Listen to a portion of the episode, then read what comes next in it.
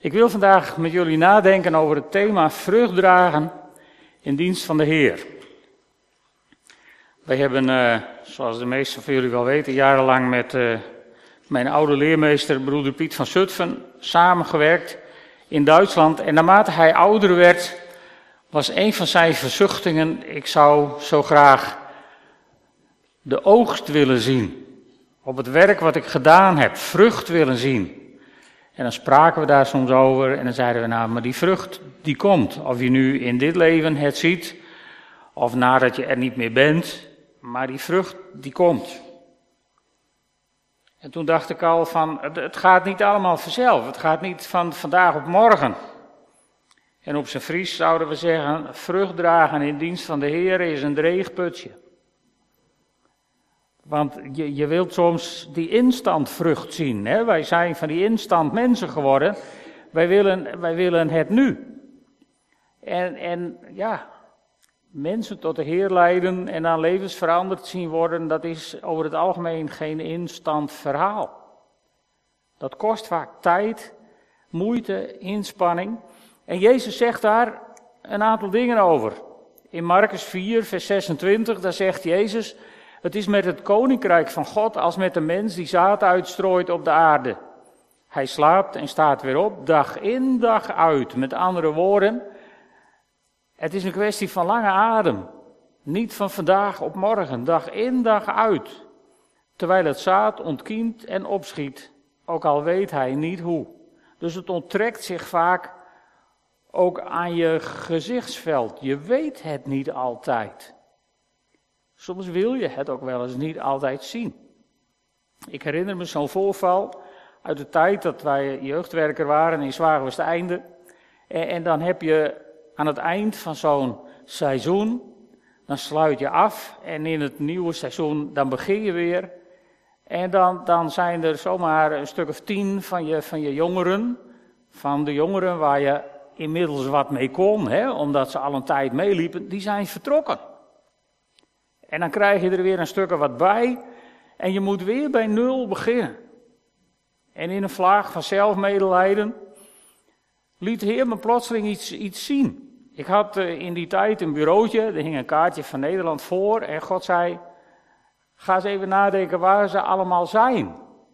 En toen waren er van al die jongelui die vertrokken waren, zomaar een handvol die tienerwerker waren geworden in een gemeente, die iets belangrijks deden op een bijbelschool, die ergens anders iets deden. Zomaar een stuk of vijf, zes, die in het koninkrijk van God ergens bezig waren. En toen begon het heel langzaam bij me te dagen, van weet je, dat is ook een vorm van vruchtdragen. Een tijdje geleden ontmoetten we een van de jongelui die uh, in die tijd bij ons op de tienerclub zat en we maakten even een praatje en zei, ja, ik ben inmiddels oudste bij ons in de gemeente. En dacht ik, kijk, niet voor niks geweest, zo'n investering. Dus soms, soms beleef je de genade van God dat je even iets van die vrucht mag zien, maar heel vaak zie je het ook gewoon niet. Dan moet je geloven dat het er is. Maar je weet soms niet hoe. Maar Jezus zegt nog iets. Hij zegt in Johannes 4, vers 36. De maaier krijgt zijn loon al en verzamelt vruchten voor het eeuwige leven, zodat de zaaier en de maaier tegelijk feest kunnen vieren. Hier is het gezegde van toepassing: de een zaait, de ander maait. En dan zegt Jezus tegen zijn discipelen: Ik stuur jullie erop uit om een oogst binnen te halen waarvoor je geen moeite hebt hoeven doen. Want dat had Jezus al drie jaar gedaan. Dat hebben anderen gedaan, zegt hij daar, en jullie maken het werk af. Dus als je die twee teksten ziet, dan zou ik willen zeggen, soms hoor je bij de geluksvogels die oogst zien. Maar vaak hoor je bij die anderen. En daar wordt gewoon boerenwerk van je gevraagd, zoals ploegen, zaaien, wieden, ongedierte bestrijden enzovoort. En vaak heb je niet eens in de gaten waar je eigenlijk mee bezig bent. En we zien dat ook in het leven van Petrus. Petrus hoorde eerst bij de geluksvogels, die mochten oogsten wat Jezus drie jaar lang gezaaid had. Maar, uh, en hij zag ook veel directe resultaten op zijn bediening. Maar Petrus heeft ook hard moeten werken en investeren in het koninkrijk van God, zonder altijd het uiteindelijke resultaat te zien. En daar wil ik even met jullie naar kijken aan de hand van de geschiedenis van de jonge kerk in handelingen. De opdracht van die kerk was door Jezus gegeven. Ga op weg en maak alle volken tot mijn leerlingen. En als Jezus met hen op weg is naar de plek waar hij naar de hemel gaat, dan zegt hij als laatste eigenlijk tegen zijn discipelen: Wanneer de Heilige Geest over jullie komt, zullen jullie kracht ontvangen om van mij te getuigen in Jeruzalem, in heel Judea en Samaria, tot aan de uiteinden der wereld. Dit was de bedoeling. Dit was wat God voor ogen had. En het begint heel voortvarend. Want op de eerste Pinksterdag, als de Heilige Geest wordt uitgestort, dan, uh, dan treedt Petrus naar voren, samen met de elf andere apostelen. En Petrus die houdt de eerste preek in zijn carrière. Levert meteen 3000 dopelingen op, daar ben ik dan wel eens wat jaloers op, maar dan kijk ik naar de kleine bakje hier in de hoek en dan denk ik, nou dat was niet best dat dat zou gebeuren. Maar Petrus die houdt de preek van zijn leven. En hij begint zo mooi, hij zegt, u Joden en inwoners van Jeruzalem. Nou, dat strookt met handelingen 1, vers 8. Beginnen in Jeruzalem. En zo ontstaat er in Jeruzalem een kerk. Alleen die kerk die had geen plannen om verder te gaan. In Handelingen 4, vers 32 staat de groep mensen die het geloof hadden aanvaard, leefden eendrachtig samen. Dat kun je heel positief bekijken. Van nou, ze bleven, ze, ze zorgden goed voor elkaar. En ze, maar aan de andere kant, als jij naar kijkt, dan waren ze dus heel erg naar binnen gericht. Op elkaar. En ze hadden geen enkel plan om Jeruzalem te verlaten en de wereld in te gaan. Integendeel. Er moet zelfs eerst iets ernstigs gebeuren voordat ze op pad gaan in de omgeving. Want dit is de tijd waarin de apostelen het heel druk hebben en dan worden er de, de, de, de, de hulpkrachten aangesteld, zeg maar. Die zijn wel later diakenen gaan noemen, maar dat staat overigens niet in dat Bijbelgedeelte. En, en dan krijgen we de geschiedenis van Stefanus, die wordt gestenigd. En dan komt Saulus in beeld en die gaat de gemeente vervolgen. En dat leidt er pas toe dat ze Jeruzalem gaan verlaten. En dan gaan ze Judea in. Handelingen 8, vers 1, er staat nog diezelfde dag brak er een hevige vervolging los tegen de gemeente in Jeruzalem, zodat allen verspreid werden over Judea en Samaria met uitzondering van de apostelen. Die bleven in Jeruzalem om daar de, de regie te houden, zeg maar. En in Handelingen 8, vers 4, daar staat degenen die verdreven waren, trokken rond en verkondigden het woord van God. Dus we waren bij de volgende stap uit Handelingen 1, vers 8. Ze waren in Jeruzalem begonnen en nu waren ze in Judea. Maar om het nog erger te maken, Filippus ging naar de stad Samaria en verkondigde hun de Messias. En dan komen ze tot bekering en de apostelen die sturen Petrus naar Samaria om te controleren of dat allemaal zo wel kan. Want dit was wat.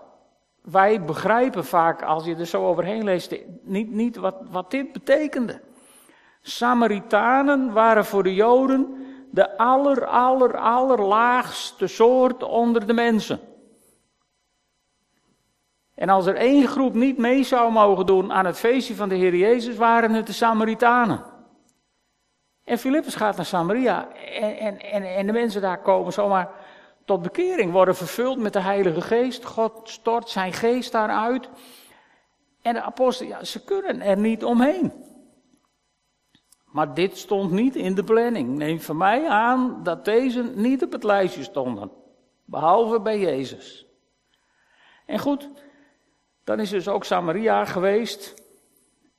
En dan de rest van de wereld. Wij dus, hè? Nou, dat begint met een eunuch, een hoge ambtenaar uit Ethiopië. Jullie kennen vast dat verhaal van Filippus, die die man doopt en dan reist hij, vervolgt hij zijn reis met grote blijdschap, staat er in de Bijbel.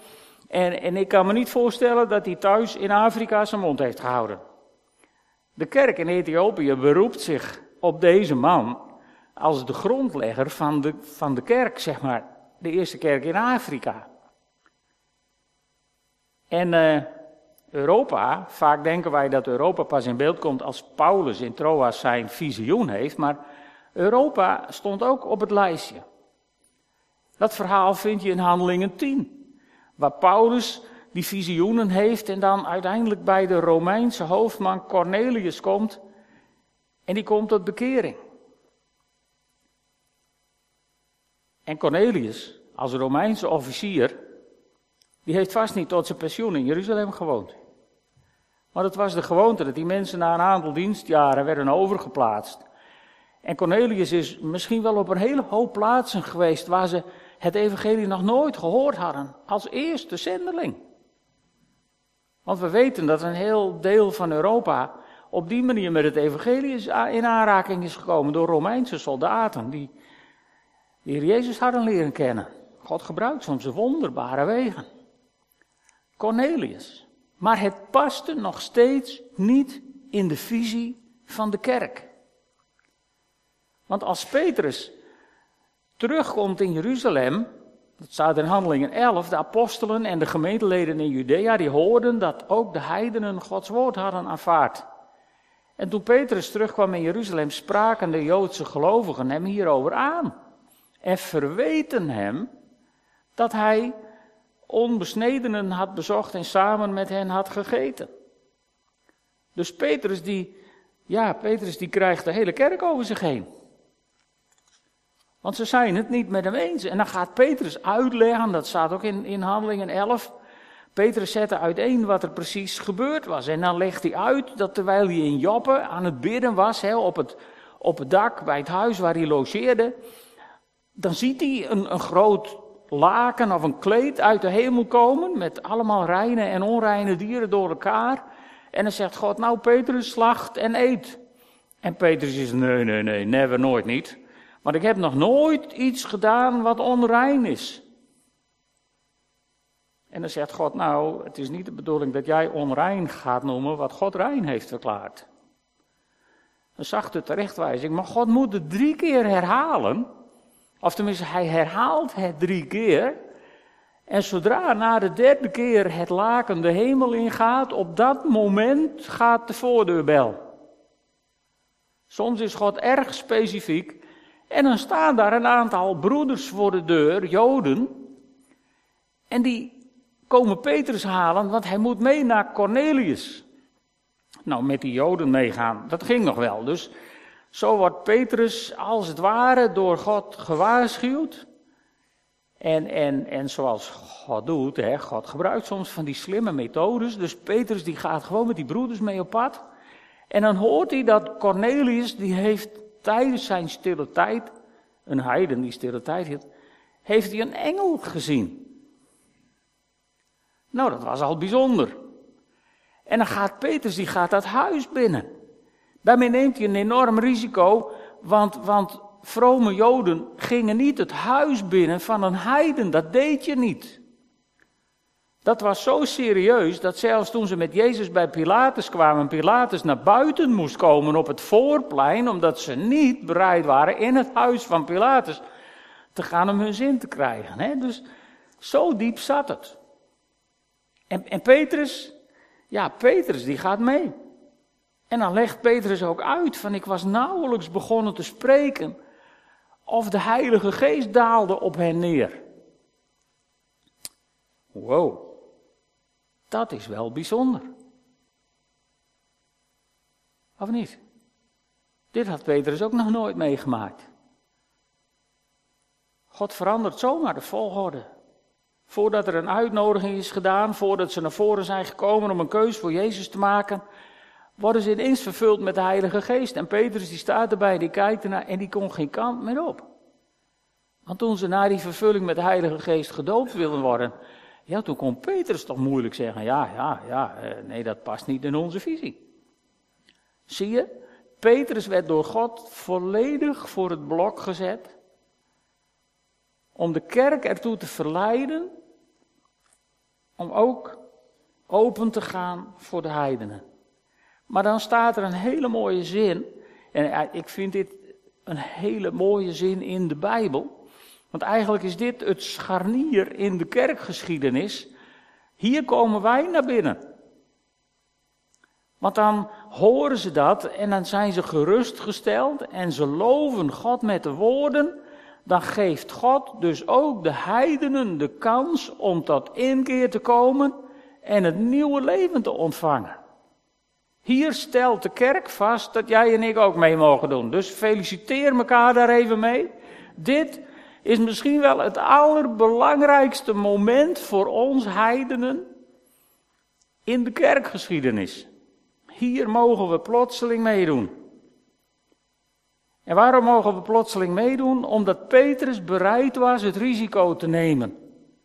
En bij Cornelius binnen te gaan. En wat ik al zei, de hele kerk kreeg hij over zich heen. Maar hierdoor ging voor ons de deur open. En ik denk dat Petrus geen flauw idee had van wat de impact zou zijn van deze beslissing.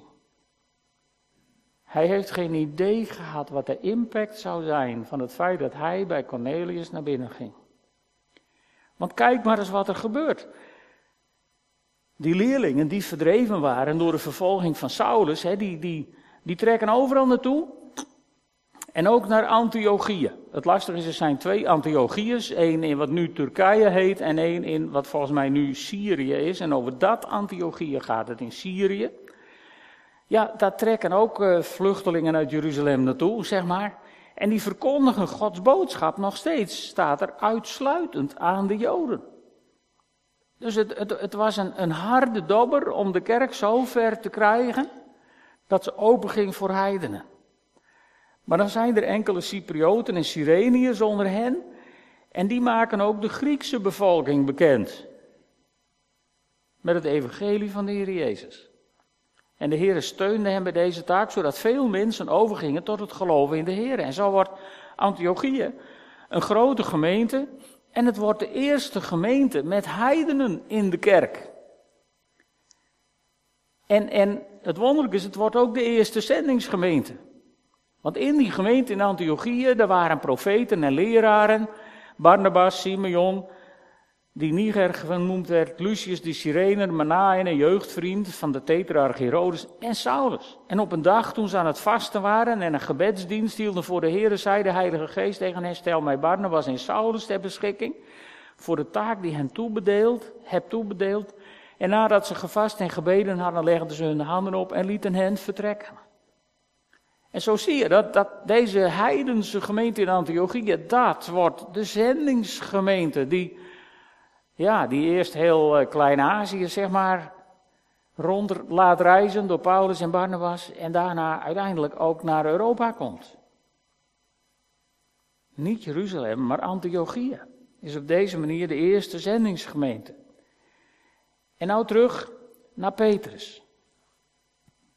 Want hoe is dit nou de vrucht van het werk van Petrus? Nou, in Galaten 1, vers 18, daar schrijft, Galaten 1, daar schrijft Paulus even iets over zijn bekering in Damascus. Saulus, die is natuurlijk op reis naar Damascus om daar mensen uh, gevangen te nemen en te vervolgen. En dan verschijnt God hem.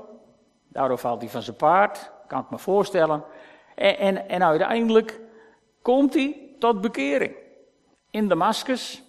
En dan verdwijnt hij een tijdje van de radar. En zelfs schrijft hij, pas drie jaar later ging ik naar Jeruzalem om Kefas, het Griekse woord voor Petrus, te ontmoeten. En, en, en dat is ingewikkeld. Want Saulus, die was natuurlijk, dat was een verdacht figuur.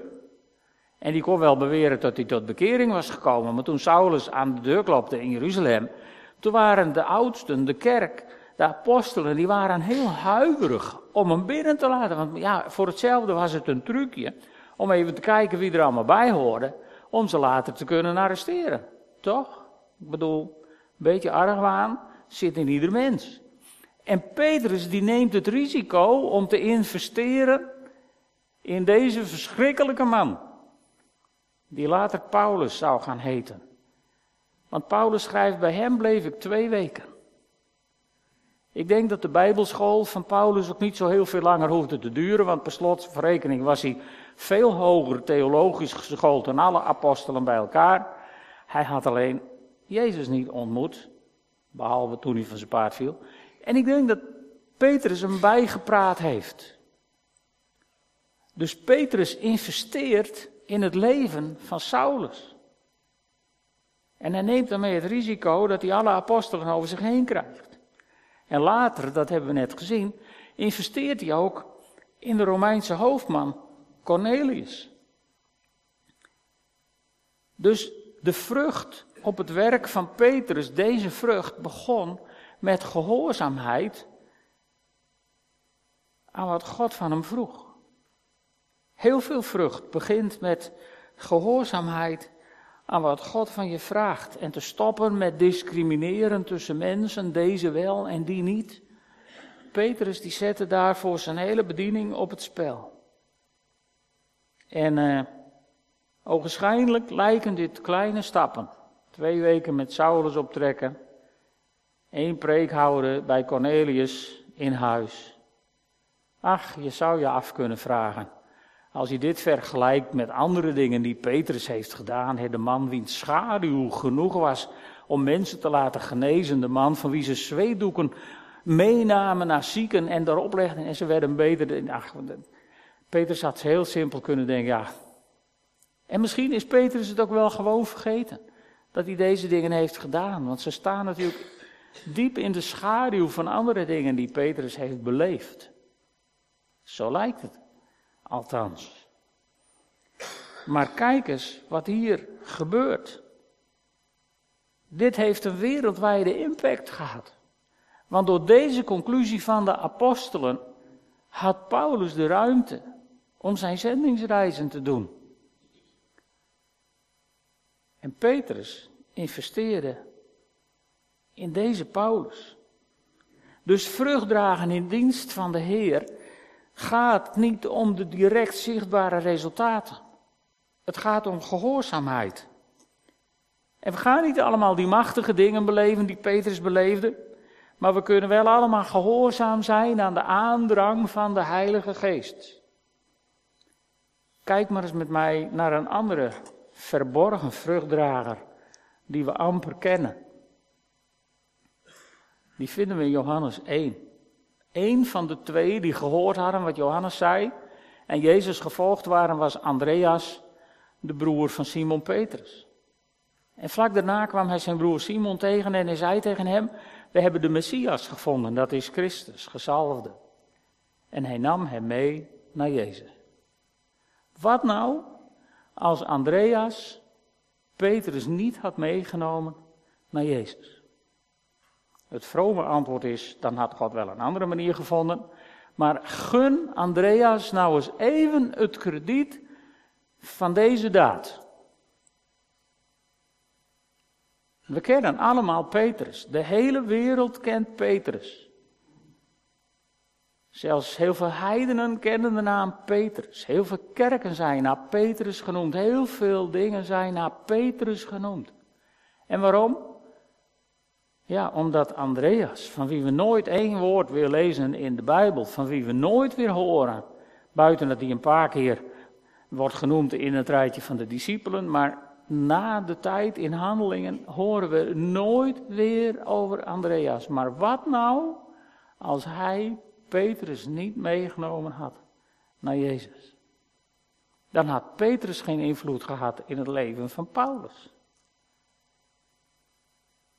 hey, zie je wat soms kleine dingen, iemand iets vertellen over Jezus, iemand in aanraking brengen met Jezus, wat voor gevolgen dat kan hebben als God dat in zijn hand neemt?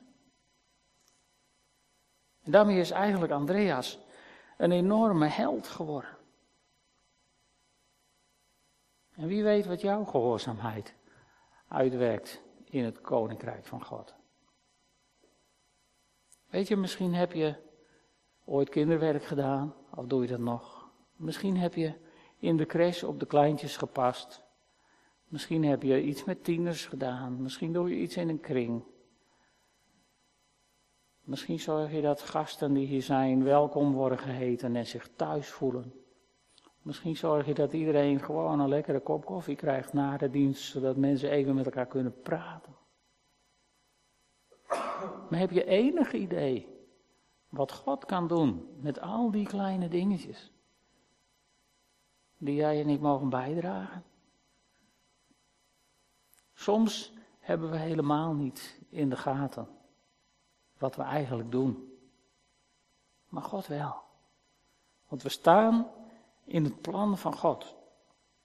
En weet je, daar gebeuren bijzondere dingen.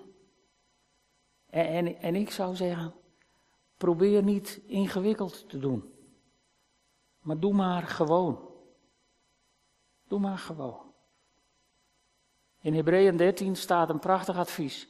Houd de onderlinge liefde in stand. Want daardoor voelt het warm voor iedereen die binnenkomt. Houd de gastvrijheid in ere. Want, zegt de schrijver van Hebreeën, zo hebben sommigen zonder het te weten engelen ontvangen. Je weet niet altijd wat de impact is van wat je doet. Maar één ding is zeker. De maaier krijgt zijn loon al en verzamelt vruchten voor het eeuwige leven. Zodat de zaaier en de maaier tegelijk feest kunnen vieren. En ik zou jullie willen eren met een lied. Voor misschien al die kleine dingen waarvan je zelf denkt, ah, wat stelde het voor? Ik wil je eren met een lied van Ray. Een prachtig lied over iemand die een droom heeft dat hij in de hemel komt. En daar mensen ontmoet in wiens leven die een kleinigheid heeft betekend. En met dat lied sluit ik af.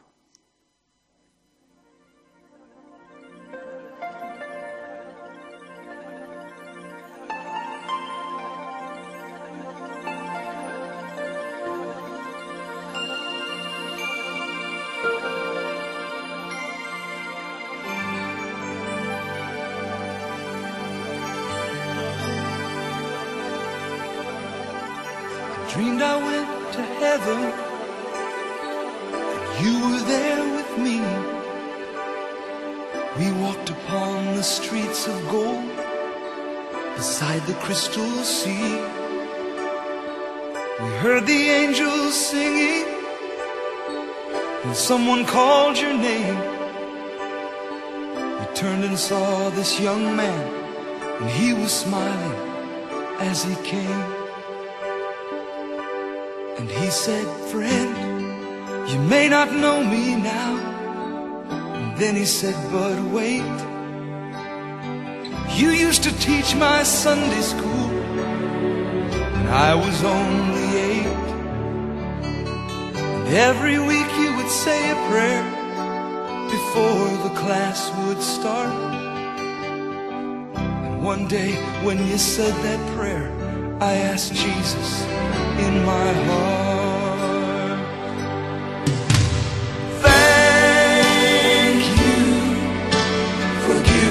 To the Lord.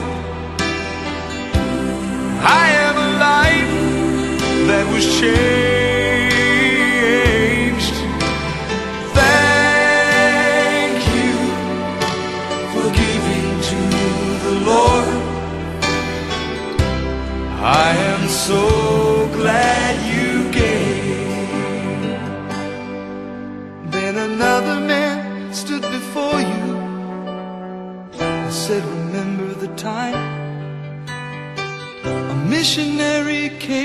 Your church and his pictures made you cry. You didn't have much money, but you gave it anyway. Jesus took the gift you gave, and that's why I'm here today. Thank you for giving to the Lord. I am a life that was changed. Thank you for giving to the Lord. I am so glad you gave. One by one they came, far as the eye could see. Each life somehow touched by your generosity. Little things that you had done sacrifices made. I noticed on the earth, in heaven now proclaim. And I know up in heaven, you're not supposed to cry. But I am almost sure there were tears in your eyes as Jesus took your hand and you stood before the Lord. He said, My child, look around you, for great is your reward. Thank you for giving to the Lord. I have a life that was changed.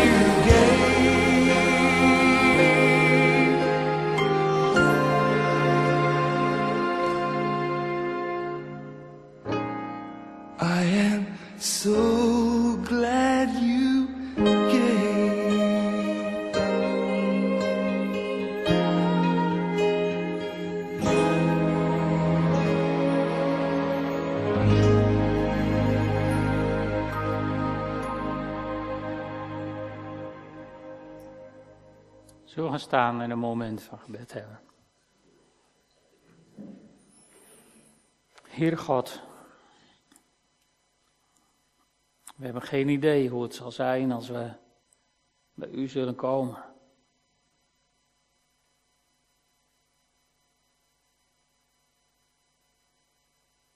En we hebben ook geen idee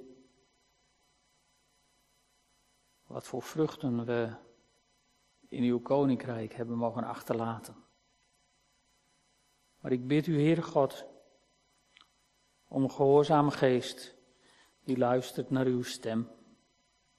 Ik bid, Heer, om een bereidwillige geest die dat doet wat u onze hand laat vinden. En ik bid u, Heer, om uw genade, zodat we af en toe een sprankje van vrucht mogen zien.